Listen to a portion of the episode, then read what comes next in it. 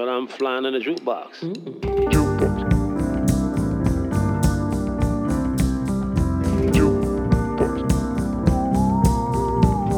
The flying jukebox. Hej! Välkomna till den flygande jukeboxen, en podd av, med och för musikälskare. Mitt namn är Patrik Stanelius och den här veckan får jag besök av Hanna Järver. Just det, den Hanna Järver som i alla fall i mina öron har haft ett bra 2020 med singlarna Helvete, Min bästa vän och Tusen täta lögner in. De låtarna är bra postpunk och new wave-influerad indiepop på svenska och de är också en försmak av Hannas andra album som heter just Tusen täta lögner in som släpps den 25 september. Det här är ett avsnitt som kanske kommer att tilltala den som är nyfiken på låtskrivande och skapande aspekten av musik lite extra eftersom Hanna pratar mycket om det mellan varven när hon inte är upptagen med att le artigt åt sovjetisk pop. Innan jag lämnar över till Hanna vill jag bara säga en sak som jag har tänkt på de senaste dagarna. Nu har ju podden funnits ute i några veckor och jag tycker det är så roligt att göra den. Så tack för att ni lyssnar. Det var bara det jag ville säga. Nu kör vi! Hanna Järver, hej och välkommen till den flygande jukeboxen. Det är jättekul att du är här. Ja, det är jättekul att vara här. Hej! Jag tänkte så här att eh, du är född 93 va? Ja, Och den Exakt. första låten som jag tänkte spela för dig Mm. är från samma år. mhm. Och eh, får vi se eh, har... hur väl vi tycker att det här har åldrats. Stjärnorna de säger vad du är för en individ Hoppa om du vågar, riskera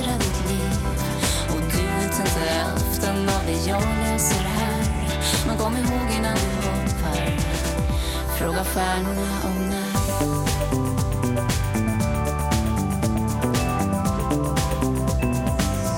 Fråga stjärnorna om när Den här glimrande poppärlan heter Fråga stjärnorna och det är Kajsa-Stina Åkerström, Ja, daughter Mm. of Fred, Ja, som sjunger den. är liksom hennes första album, en självbetitlad debut. Och det här blev ju en megahit. Men, eh, Mm. eh, och den här lyxiga produktionen är signerad en snubbe som heter Kai Exet Eriksson som hade sina fingrar i både eh, så här ratatas och just Mm. det så forna storheters kakburkar. Men jag lirar den eftersom dels så tycker jag att den har liksom något sorts ganska slickt, lite tidlöst skimmer. Men det är ju också pop på svenska, mm. Precis som du ägnar dig åt. precis. Men den stora skillnaden, förutom allt som skiljer sig, är ju att eh, texterna, alltså de senaste typ 15-10 åren i Mm. svensk indiepop har blivit så mycket mer personliga och dagboksaktiga. Här är det ju Mm. fortfarande liksom, ja men det är inte så personligt. Det, det känns som att 17 andra personer kan ha skrivit den här texten. Vad är din spontana tanke? Hade du hört den här förut? Nej, men jag, ja, jag, jag känner igen den men jag kan inte komma på vem det var. Um, men jag har ingen så relation till låten direkt. Eh, eller inte alls. men uh, hann jag inte liksom riktigt. Jag hängde på där efter, jag tror det var andra versen eller vart det var någonstans. Men jag hade lite samma faktiskt tanke där. Jag vet inte om jag tyckte det var jättespännande text. Den säger inte så mycket om henne. Nej, det är som att jag skulle behöva nästan läsa den här om jag skulle säga någonting. Men jag har liksom lyssnat också så lite på egentligen svensk, eh, eller musik med svensk text. Eh, eller som att det första jag lyssnade på var Kent. Och sen så var det liksom ingenting annat förrän kanske efter, liksom, typ att jag var 20. Så det liksom kom in ändå ganska sent. Jag hade ingen så tonårsperiod Nej. av att jag lyssnade på sånt. Men vad, och det här har du säkert det är en fråga som du säkert har fått svara på tidigare. Men hur kommer det sig att du landar i svenskan när du skriver texter? Alltså det var nog bara faktiskt en lite slump för att jag har, eh, hade liksom bara skrivit på engelska i princip. Fast sen så tyckte jag om att skriva typ så poesi eller dikter. Men liksom inte något som jag har så här visat. Och sen så var det, jag spelade i två band precis när jag flyttade till Stockholm. Typ när jag var 19, 20. Um, och båda de banden var liksom, det var som engelska projekt. Eh, och sen så hur lät det? Ja. är ju det man är nyfiken på. Ja. Eh, men det var, ganska, det var lite olika. Eh, jag gick faktiskt igenom häromdagen. Vi hade ett band som hette Gazebo Gathering. Eh, det kan jag säga för att det går inte att hitta så mycket.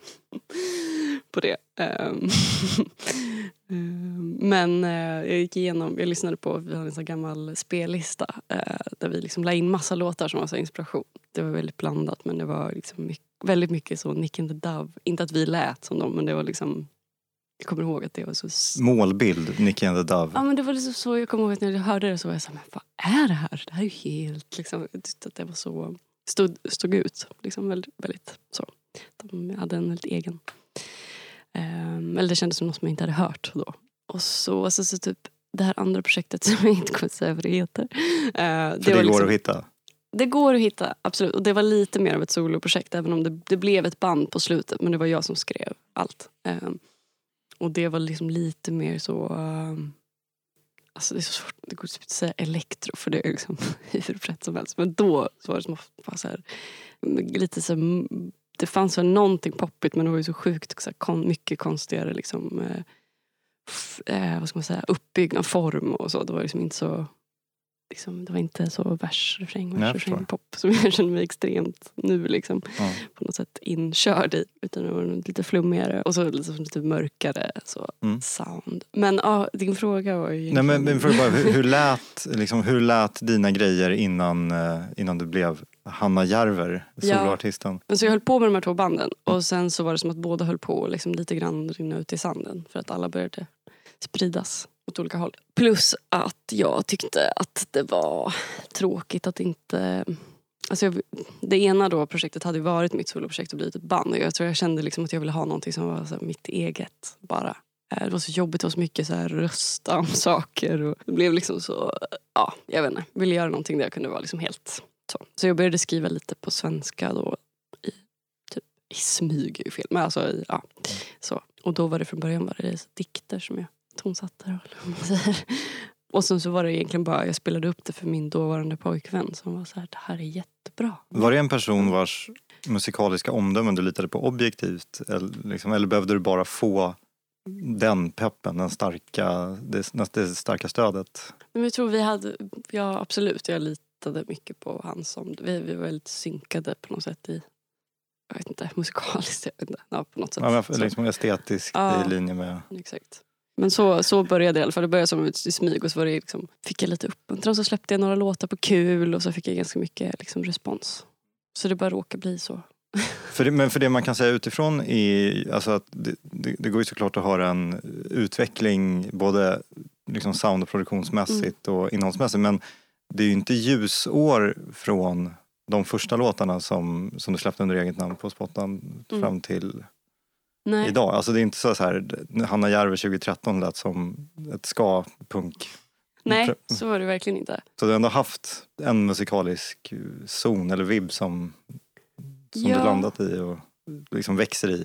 Ja men så verkar det väl vara. Sen har det varit liksom lite olika varje sådär. Eh, från början så var det ju någon slags, då höll jag ju på med, alltså första, de här första tre låtarna som jag släppte. Som säkert de flesta inte, som lyssnar nu inte har hört. Men, men de, då, eh, då var ju hela grejen från början att jag skulle liksom spela in knäckljud. Och ja, men, gjorde beats av. Och så var det ju väldigt basic. Det var ju typ det och lite elgitarr och orgel. Typ. Väldigt så mycket datamick-vibe. Och de första, alltså jag, jag liksom hittade för ett tag sedan också de första inspelningarna. Alltså innan, innan jag la om sången och bara så här första slask. Och det lät så mörkt. Alltså det är så får ont i magen när jag lyssnar på det. Men, men, eh, men sen så, och sen kom liksom, sen ändå ett litet glapp, eller hopp ju till Närke på något sätt. Men det är kul för idag så tycker jag ändå, jag gillar liksom min första EP mer än vad jag gillar Närke egentligen. E mi sono scatenato. Fred Astaire al mio confronto era statico e imbranato. Le ho sparato un bacio in bocca, uno di quelli che schiocca. Sulla pista diavolata, lì per lì l'ho strappazzata, l'ho lanciata, riafferrata, senza fiato l'ho lasciata, tra le braccia mi è cascata, era cotta innamorata, per i fianchi l'ho bloccata e ne ho fatto marmellata. Oh yeah, si dice così no? Ingen aning om vad det här är men det är väldigt nice. Blir du avis på rösten? Ja, lite faktiskt. Är Lite svag för den här typen av så låg liksom mansprat-vibe. Det här är en artist som alltså, typ aldrig har fotograferats utan en cigg i handen. Vem är det? Det här är en eh, italiensk discokung som heter Ah. Pino D'Angio. Okej. Låten heter Ma quale idea från eh, 1980. Och eh, om man kollar på eh, estetiken som genomsyrar liksom både hela den här killens livsverk och eh, den här tidsåldern också. Jag, jag kom att tänka på den eh, när jag såg videon till Jävla 80-tal. När du liksom har upprullad kavaj, alltså kavaj med upprullade ärmar, Mm. backslick på håret och Mm.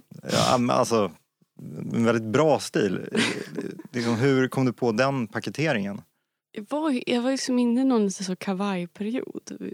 För, för det mesta så, så jag, alltså jag har försökt. Jag har liksom, det är som hopplöst för mig. Det är som att jag försöker börja klä, upp, klä mig uppstyrt. Men jag liksom, det slutar alltid med att jag har samma jeans och samma t-shirt varje dag. Eh, ungefär. Men, eh, så jag var inne i någon lite så kavajperiod. Och sen låten då som skulle liksom gestalta någon sån liksom medelålders man kulturperson som vet, som vet allt på något sätt. Lite så ignorant. Men eh, när man ser ut så som du gjorde, kände du liksom att styrde det också dig i ditt skapande på något sätt? Alltså att jag tänker, if you look the part, you act the part. Då tänker jag om jag liksom eh, häng, hade kavaj i studion.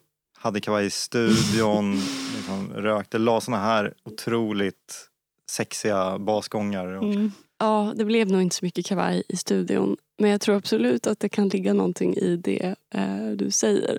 Just att, liksom, att klä sig eller att så på ett sätt för att liksom skapa en vibe. Eller en, liksom, eh, det har jag liksom hört många andra uttrycka. Jag är lite dålig på det men eftersom jag verkar ha lite problem att byta kläder. Om man tänker på just eh, Pino som vi hörde här, det finns lite klipp med honom på eh, internet och eh, han har ju alltid en cigg i handen. Och eh, jag tänker, även om man är liksom, storrökare, så det går ju att liksom, köra en låt på Italiens motsvarighet till Café Norrköping och sen ta en cigg. Men Mm. det känns nästan som att, för han är inte super eh, loose Nej. i sitt framträdande utan Mm. han är ganska s- liksom, stift, vet inte riktigt vad man ska titta. Så det känns nästan som att den här siggen blir som ja, men, ännu ett staket mellan honom och Okej. publiken. Mm. Alltså så här, som, ett, som en sköld nästan. Ja, men inte som att han försöker liksom relaxa då, eller liksom fejka någon slags lite mer relaxed. eh, Kanske. Alltså, om man lyssnar på rösten så låter det ju som att det är x antal bloss Mm. som byggt den. Ja. Vad tyckte du om låten i övrigt? Jag tycker som sagt jag är liksom lite svag för det här eh, liksom, låga mans eh, som liksom så lite pratsjung-vibe. Eh, annars om man tänker så här, du sa innan att du inte lyssnat på jättemycket pop på svenska men Mm. den, det här, den svenskspråkiga poppen mår kanske bättre nu Mm. och då tänker jag också kanske fem år tillbaka i tiden än någonsin. Det är lite, liksom, man kanske inte vill snacka om kollegorna på det där sättet men jag blir ändå Mm. nyfiken på om det liksom, är någon som du sneglar på och tänker de där gör det bra. Och det är så speciellt. Jag känner liksom att, för att jag, eh, min, alltså, mina första liksom, alltså när jag liksom började så, alltså förutom Kent då, som var som tonårs eh, liksom, kärlek, så var det första jag lyssnade på var ingenting. Eh, det, och det, det tror jag ändå på något sätt var liksom kanske det som prä, alltså för det var, jag lyssnade inte på så mycket annat. Det var ju lite så att någon Håkan åt men verkligen inte, liksom inte på det sättet som jag lyssnade på ingenting. Eh, och sen var det liksom inte från den perioden, jag blev så här, vad fanns det? det är klart att det fanns massa men jag har liksom aldrig lyssnat på Winnerbäck eller Nej, men, och det är också en annan grej. Ja, det är ju det är mer mer åt vi- liksom, ja, visa Exakt. hållet. Och liksom, är Eller bärsrock. Exakt, och det är inte alls min... så. Ehm, så jag tror att det, är liksom, det var inte riktigt där du frågade nu vad som hade präglat mig. Men, men där någonstans, ehm, det tycker jag fortfarande är väldigt bra. Ehm, men, alltså ingenting då. Inte, ja. Ehm, men nu, det, det, är så, alltså, det känns ju verkligen som att det har liksom fått ett uppsving. Eller att det liksom är väldigt många fler som skriver på svenska. Men hur många, alltså, det går inte att svara på kanske på raka arm, men alltså, hur ofta skriver du om? Sitter du och väger varenda ord med guldsked? Alltså, jag har ju skrivit extremt mycket som inte har släppt såklart. Så också. Så det finns ju såna där det har gått snett. Nej, men, eh, och ibland så kan det vara svårt att avgöra precis, där, alltså, precis när man skriver. Eh, någonting kan kännas ganska bra och sen inser man i efterhand. Men ändå så eh, jag är ganska noga när jag skriver för att jag tycker att det är väldigt svårt att ändra saker. Jag brukar tänka att jag har liksom tre dagar på mig att få klart en låt. Eh, inte så här färdig produktion men att det är liksom som att text och delar måste sitta inom tre dagar annars är den förlorad. när man liksom kommit ur den här första känslan som man liksom kanske har när man börjar skriva så är det svårt att vara det är svårt att veta. Det, det, kanske är så att det man då, om man liksom skriver till en del eller någonting, att det är bra men det känns inte som att det hör ihop med det, men det, hör inte ihop med det som är skrivet innan. Det känns som två olika låtar då. Ja, det är som ett lapptäcke. Även om det inte uppfattas så för någon annan så för en själv. Och det här säger jag liksom, ur mitt perspektiv, men jag tycker att du har en förmåga att leka med fraseringar också. Det är verkligen liksom inte bara rad, första ordet och sen punkt utan eh, Ja men typ som i jävla 80-tal så är det, vissa strofer så är sista ordet i ena strofen första ordet på nästa och det liksom Mm. vänder och man hålls på tå som lyssnare. Det är, liksom, det är ju en elegant penna. Mm, tack. Eller vad man ska säga. Jag har väldigt liksom, tydliga på ett sätt ramar för hur, vad jag liksom, tycker är bra, hur jag skriver. Liksom. Eh, vilket kanske ibland är dåligt, jag vet inte. för att Men det är ja, gud, svårt, svårt att svara på. Jag, det är inte som att jag liksom tänker så här, nu vänder jag på de här orden. För att, utan det är nog mer att jag liksom jag har en bild av hur det är okej okay att skriva. Och sen så liksom det känns nog naturligt för mig. Men det är inte, nej, men det är inte som att jag liksom aktivt utan det är nog liksom något som har satt sig i kroppen lite på något sätt. Hur jag skriver och så. Och vad jag tänker att man köper som lyssnare också. Att man köper ganska mycket mer än vad... Det behöver inte vara så...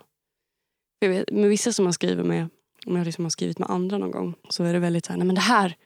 Alltså det är många som är så här, men nu förstår man inte det här. Men men jag vet inte, det, det kanske liksom, jag skriver väldigt så fragmentariskt och väldigt liksom, Även om jag tycker att den senaste skivan nu kanske är lite mer berättande på ett sätt än vad det har varit tidigare. Men för vissa är det väldigt viktigt liksom, att det Mm. är liksom en så tydlig ordning. Och liksom, det kanske också har att göra med hur man själv lyssnar på text. Jag vet inte. Men jag tänker också att det har med språkets inneboende krånglighet att göra också. Alltså svenskan är jättefint och uttrycksfullt språk men ibland Mm. så är det mer omständligt än till exempel att skriva på engelska. Jag tänker, det för väldigt många år sedan så var det en krönika i gratistidningen Metro om den största skillnaden mellan Sverige och ett engelskspråkigt land är Mm. i frasen Tänk på avståndet mellan vagn och plattform när du kliver av som på engelskan uttrycks med orden mind the gap. Mm. Alltså man, alltså man liksom, ibland så måste man ju ta till eh, lite frias i Mm. författandet för att få det att svänga. Det är väl så. Okej, nu är det lite eh, smekning av eh, elfenbenen.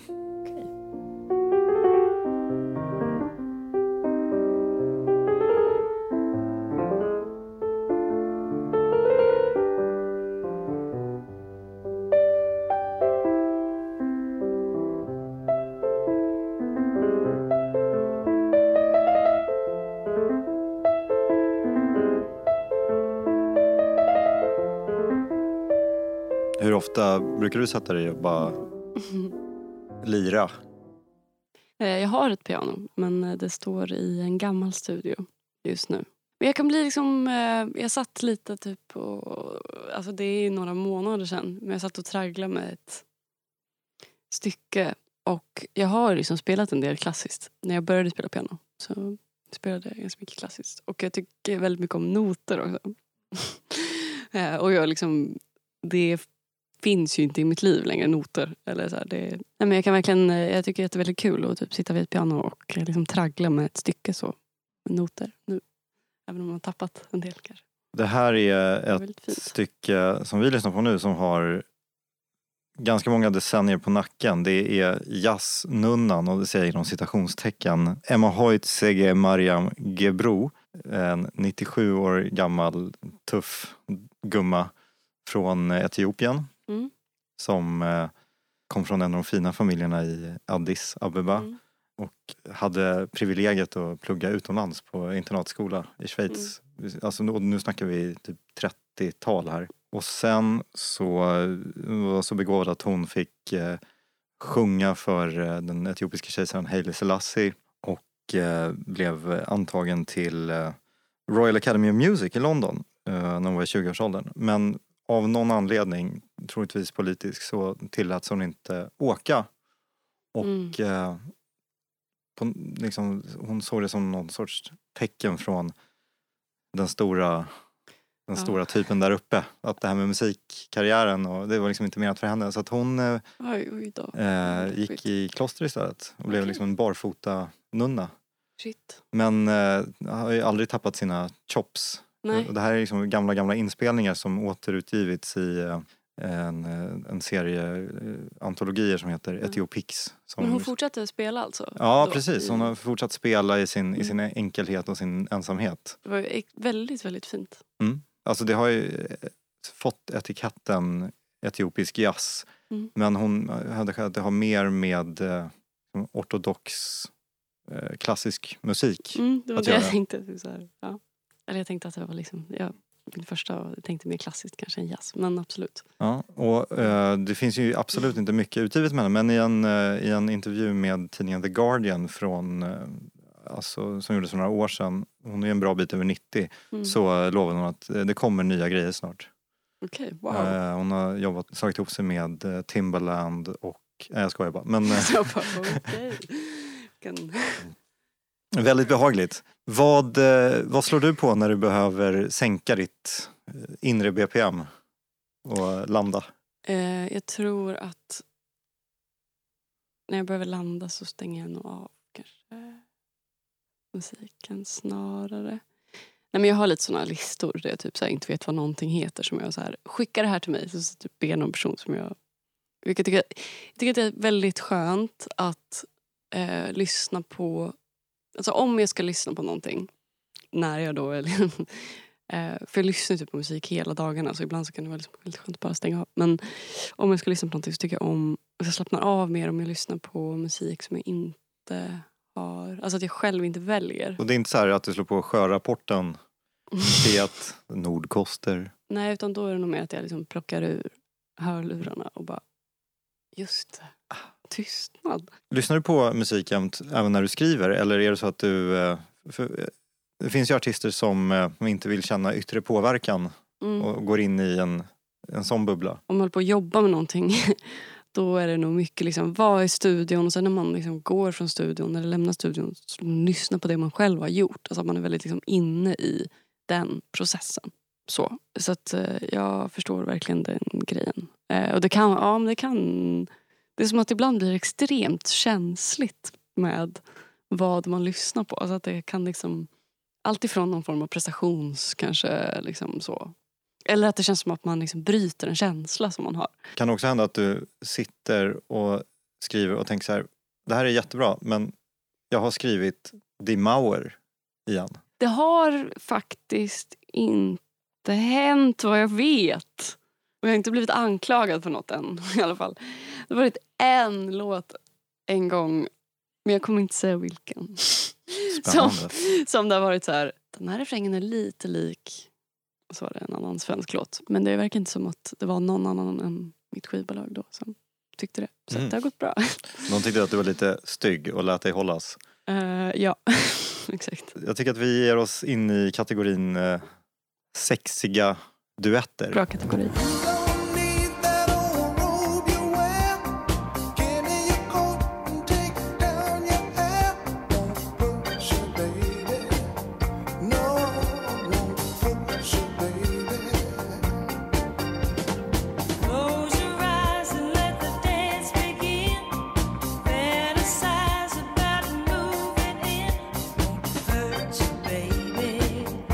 Den låten låter som en sidenmorgonrock ser ut. Ja, verkligen. Men den är, det kanske är liksom att den, den är ganska slick liksom också i sitt... eh, det känns väldigt så här, det känns inte så desperat. alltså det är gan- ganska... Självsäkert. Ja, men också lite så här... Ja, men jag vet inte. Det kanske var liksom, han kom in där med sin röst först och det lät ganska liksom bara... Jag var inte så desperat. Vi lyssnade på Booker T, eh, känd från eh, bandet Booker T and the MGs, Stax husband.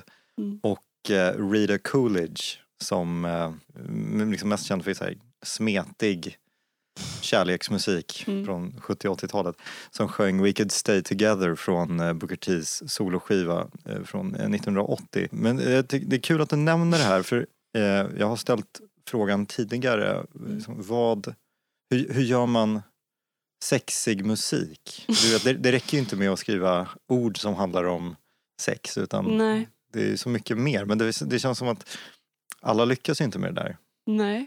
Och Jag vet inte om jag har gjort det. Eller har du, har du en annan uppfattning? Om huruvida din musik är sexig. Ja, men precis. Det, så här, det känns inte som att jag har rört mig så mycket i dem. Eller, eller det beror på vad man menar. Ja, Alltså, det beror på vad man menar. Men jag, jag, Alltså, alltså, så. jag, jag tycker så här. Det finns ju en sårbarhet i eh, liksom din leverans som eh, kan uppfattas som väldigt attraktiv. ja. Men, men ofta så, om, man- om man tänker på just det låtarna handlar om, Mm. så eh, i alla fall på, på So Long så är det ju väldigt mycket det som händer efter man har haft det trevligt tillsammans. Mm. Och eh, det kanske inte är de här, alltså det är inte mys, myset och den, liksom, den glada extasen konstant. Eh, Nej, det, det är en annan vibe. Det är en annan vibe. Och jag, det är det jag funderar på mig, som om jag har rört mig där någonting. Eh, eh, Precis. Det är inte, det är inte Thomas Ledins sånger att, eller låtar att älska till. Nej, precis.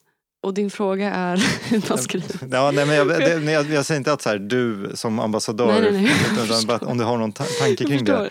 Men- Men, men kan- det måste vara en konst. Att göra det utan att det ska bli liksom så cheesy.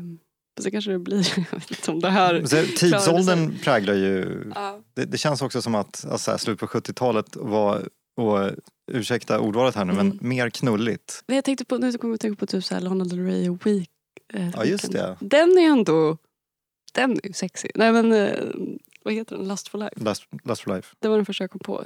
Nu sa i och för sig jag att vi ska lyssna på en sexig duett så jag, jag har gjort mig skyldig till att eh, liksom någon sorts inception här. Mm. Kanske inte borde ha yppat eh, innan. Eh, jag tycker väldigt mycket om det här och eh, en sak som jag gillar är just att alltså, det som du säger, det är slikt, det är ganska, det är självklart och självsäkert och det är liksom som att det är lite återhållsamt också i, alltså i presentationen. De liksom Mm. så här, Ja, exakt. vet du, gitarren är ju nästan dämpad. De, de vet att liksom, det behövs inte de, de stora känslorna. Det är liksom en liten axelryckning. Ja, exakt. En blinkning. Det, ja, exakt. Lite så. Eh, men det är väl då inte att kanske då kunna skriva utan att skriva folk på näsan. Fast det här är ju ganska tydligt ändå men vad det som händer. alltså, men, jag, jag tänker robe you're wearing. Ja, exakt. Men det skulle ju kunna vara så. Alltså, jag tänker konsten att skriva någonting. Eh, nej, jag, jag, jag vet inte vad jag pratar Jag bara svamlar nu känner jag. Mm, hon kanske blir, blir helt tagen av musiken. Vi går vidare. Åh, Gud. ja, det var många bra citat. Den här kanske du kan berätta någonting om. Åh. Jag har typ inte hört sen jag släppte den. Tror jag.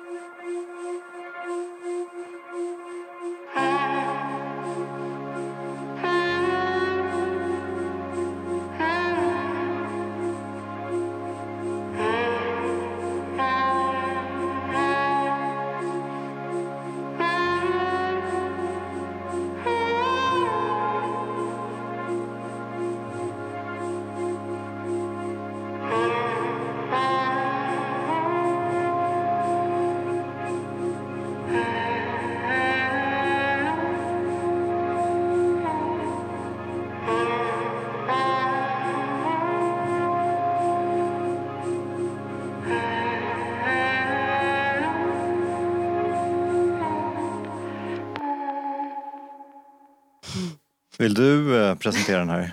Ja, eh, det här är någon slags så instrumental spår på förra skivan. Ett kort litet så. 1226 är titeln. Ja, exakt. Det måste väl varit någon som bara... Jag, tror, alltså jag höll på så mycket med vad de där skulle heta. Det är två stycken. sådana instrumentalspår. 0645 Ja, öppnar exakt. albumet. Ja, precis. Så jag, det var nog tidpunkten när något var sparat eller liksom så. Så först, först var jag inne på att de skulle heta som ehm, namn på platser som var liksom från min barndom. Och så kände jag bara så "Ah, vet inte om det är så mycket bättre med klockslag egentligen. Men tanken med den där eh, lilla, eh, vad man nu ska kalla det för. Interluden, eller? Ja. Eh, var väl att dela av skivan lite. Det var som att första delen liksom lite mer... Eh, kommer jag faktiskt inte riktigt ihåg ordningen på skivan men ungefär tror jag. Första är liksom lite mer, inte lättsam men, ja, men kanske lite. Eller liksom att den andra delen i alla fall att det liksom lite mer lågmäld. Då vill jag liksom dela upp, göra ett litet så eh, vända blad. så. Jag tycker att båda de här två instrumentala, nu är det ju i och för sig vokala em- element med här Mm. men eh, det, det är nästan instrumentalt, det är ordlöst i alla fall. Mm. är så grymma. Jag, jag skulle vilja höra, bara personligen, det skulle vara så skönt att vara kvar alltså, jättelänge i det här läget. Det är liksom, alltså, Hanna Järve Goes ambient. Mm. Alltså, Kul att höra. Hur, för jag, jag tänkte, det Mm. låter också som att det här är som en liksom ihopklippt del av ett längre jam. För att det, Mm. jag, jag inbillar mig i alla fall att det låter som att du liksom hittat ett läge och varit kvar i det ganska länge. Och det, hur, hur kändes det att bara halka in i den här stämningen? Det är ganska, jag minns faktiskt inte exakt men, men det är väldigt kan vara ganska bef- så här, Det här var ju typ det sista jag gjorde på skivan. Och det är ganska skönt efter att ha så här liksom tragglat med text i så två års tid. Bara liksom skrivit så mycket att bara få liksom bara få göra någonting som är liksom att få plocka bort det elementet och liksom bara, bara musik eller vad man ska säga på något sätt. Och lite mer så bara intuitivt. Det var nog så att det var ganska långt från början och det har låtit på lite alla möjliga sätt och så. Eh, Jag tror faktiskt att den där var, från början var det liksom ett gitarrsolo men det blev inte så till slut ändå. Ja, Skriver jag, du instrumentala grejer också? Alltså det händer och jag tycker, alltså jag tycker väldigt mycket om att jamma egentligen. Framförallt typ bara sitta typ två personer och så synt. Bara liksom syntspela mm, länge, länge. Det händer inte så ofta men när det väl händer så är det väldigt härligt. Det blir liksom lite friare, det är som ingen som har heller förväntningar på. Alltså så här, om du ska släppa en poplåt så är det ju liksom jag vet inte, här är det som att de bara, ah, ja, de gör två instrumentalspår vi bryr oss inte vad du gör. lite så. There's a time for living. The time keeps on flying. You're loving, baby, and all you're doing is crying. Can you feel? Ah, those feelings real. Look at your game, girl. Hur många hån får den här av dig Var det hån? som är Hanna? Ja, jag tror så hån. Alltså, ja, hån. Eh, men jag tyckte, jag tyckte den var mysig. Eller mysig, men liksom, det var lite så eh, lo-fi eh, eh, ändå. Ja precis, alltså, här är en, det är en riktig lo-fi heminspelning från 1967. Mm. Rösten och eh, gitarrhanden tillhör Charles Manson. Okej. jag tyckte det var lite mysig. Ja, men ja, härligt. det, ja precis. Eh, det här skrevs innan han inspirerade sina följare till eh, massmord. men Och eh, han, när han satt inne efter att ha gripits eh, så eh, lyckades han få den här låten och en, en hel radda andra inspelningar. För han var ju någon sorts liksom, Mm. folkmusiker slash trubadur med hopp om att bli känd. Fick, han fick den skickad till massa skivbolag och eh, något år efter så var det en kompis till honom som hette Philip Kaufman som eh, ja, men, såg till att få musiken utgiven. Okej. Här Vart sa du att han var då i sin, eh, liksom, hur gick det med sekten? Sekten var, var splittrad, sprängd. Han satt i finkan. Ja, det här var när han var inne. Ja, Mm, Okej. precis. Eh, den här låten har också Mm. Spelats in eh, av eh, Guns N' Roses som ett hemligt spår på skivan The Spaghetti Okej. Incident. Okej. Mm. Det fick de skit för. Men ja, alltså Charles, inte helt kass låtskrivare. Nej, absolut. Den, den hade ju något. Anledningen till att jag valde den här var att jag hörde i en intervju som du gjorde att du en gång i tiden gick i någon sorts tankar på att bli eh, var det rättspsykiatriker eller patolog? Eller Jag vad? är rätt psykiatriker och kriminolog. Just var det. Liksom. det här var så när jag var då 16, 15, 16. Mm. Mm. Ehm, fortfarande alltså väldigt, var mycket, alltså, jag älskar ju så. Um, så mina, jag kollar ju mest på, om jag kollar på någonting överhuvudtaget så kollar jag på som så, eh, om seriemördare eller, eller eh, typ sekt, eh, sekter och så. Ja, det mysiga. Eh, ja, exakt. Nej, men det är ju väldigt intressant. Men eh, jag skulle ju aldrig ha klarat att jobba med det. För att det är för eh, alltså heavy i sitt innehåll eller för att det är för tråkigt? Eller? Jag tror inte jag skulle kunna hantera... Jag tror det skulle vara för mycket ångest tror jag. Åt alla håll och kanter. Det är Eh, mindre ångest att ställa sig på scen inför tusentals främlingar och Alltså, öppna sin dagbok. Absolut. Eh, något helt annat. Nu höjer vi tempot lite. Ну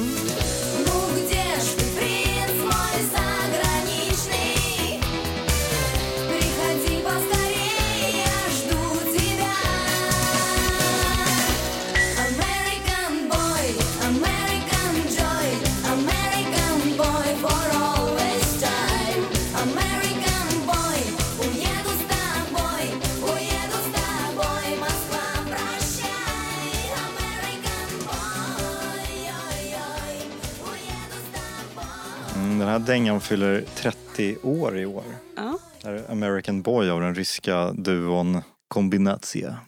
Den eh, liksom blev ju till i kölvattnet av eh, Sovjetunionens upplösning och eh, handlar om en tjej som är less på livet i Sovjet eh, slash Ryssland och drömmer om att liksom, bli uppsvept från marken av en American Boy Okej. och ta sig till eh, USA. Och eh, det är ganska kul för att jag upptäckte den här låten när jag såg en video på, från en fest när Rysslands premiärminister Dmitrij Medvedev står och rådiggar till den här något sub, ja, alltså i ryska sammanhang subversiva låten. Ja. Men den, den är bara too catchy.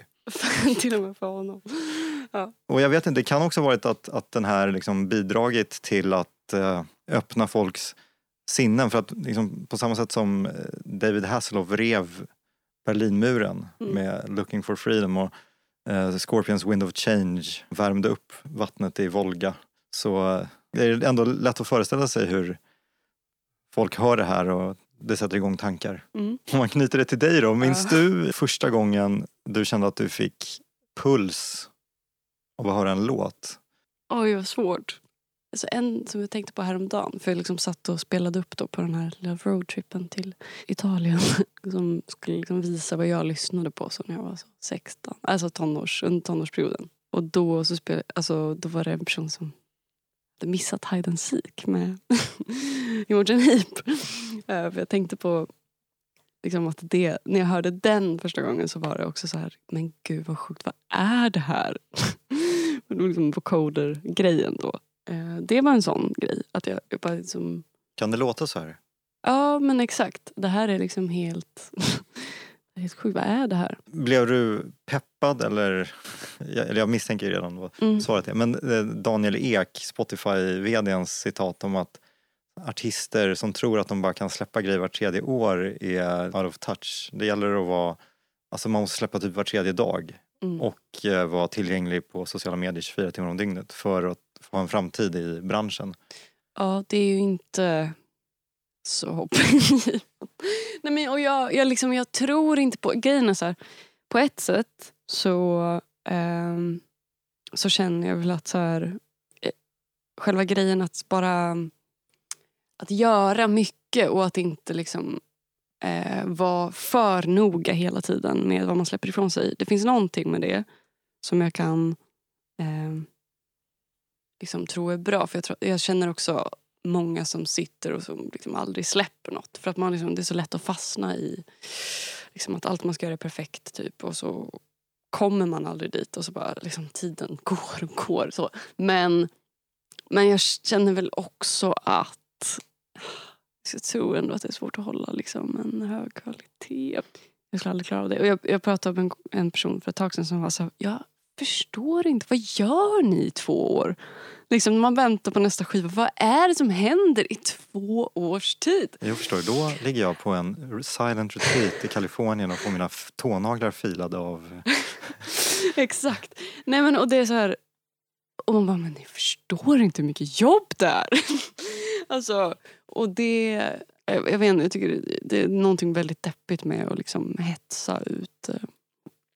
Det, eller så vill inte jag Nej. jobba. Mm. Ska vi snurra igång den sista? Ja, absolut. Och då tänkte jag bara fråga innan, visst är det så att det finns en, en grekisk koppling i ditt liv? En liten. Jag har um, bott fyra år i Grekland Ja. när jag var ganska liten. Så mina första minnen är från Grekland.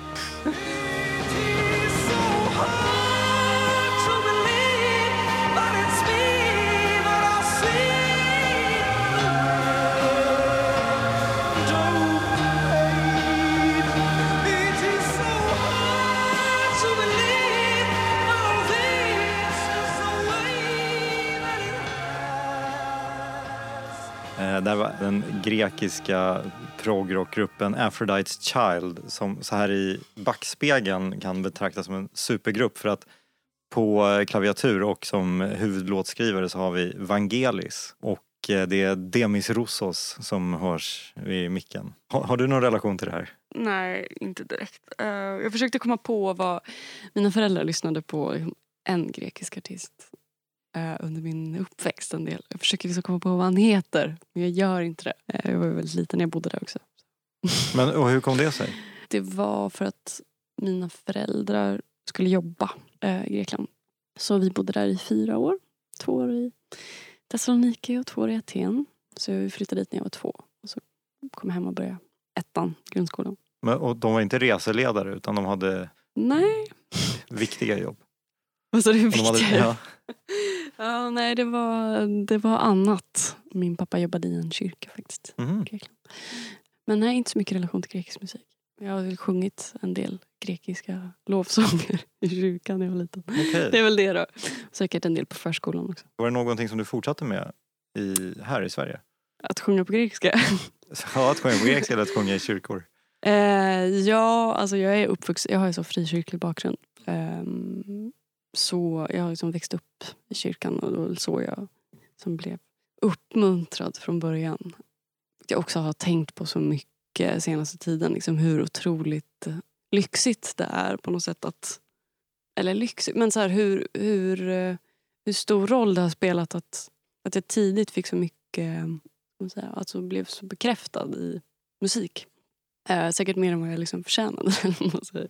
Eh, så det liksom från ganska tidigt byggs upp något sånt självförtroende kring det. Som säkert är varför jag också håller på nu.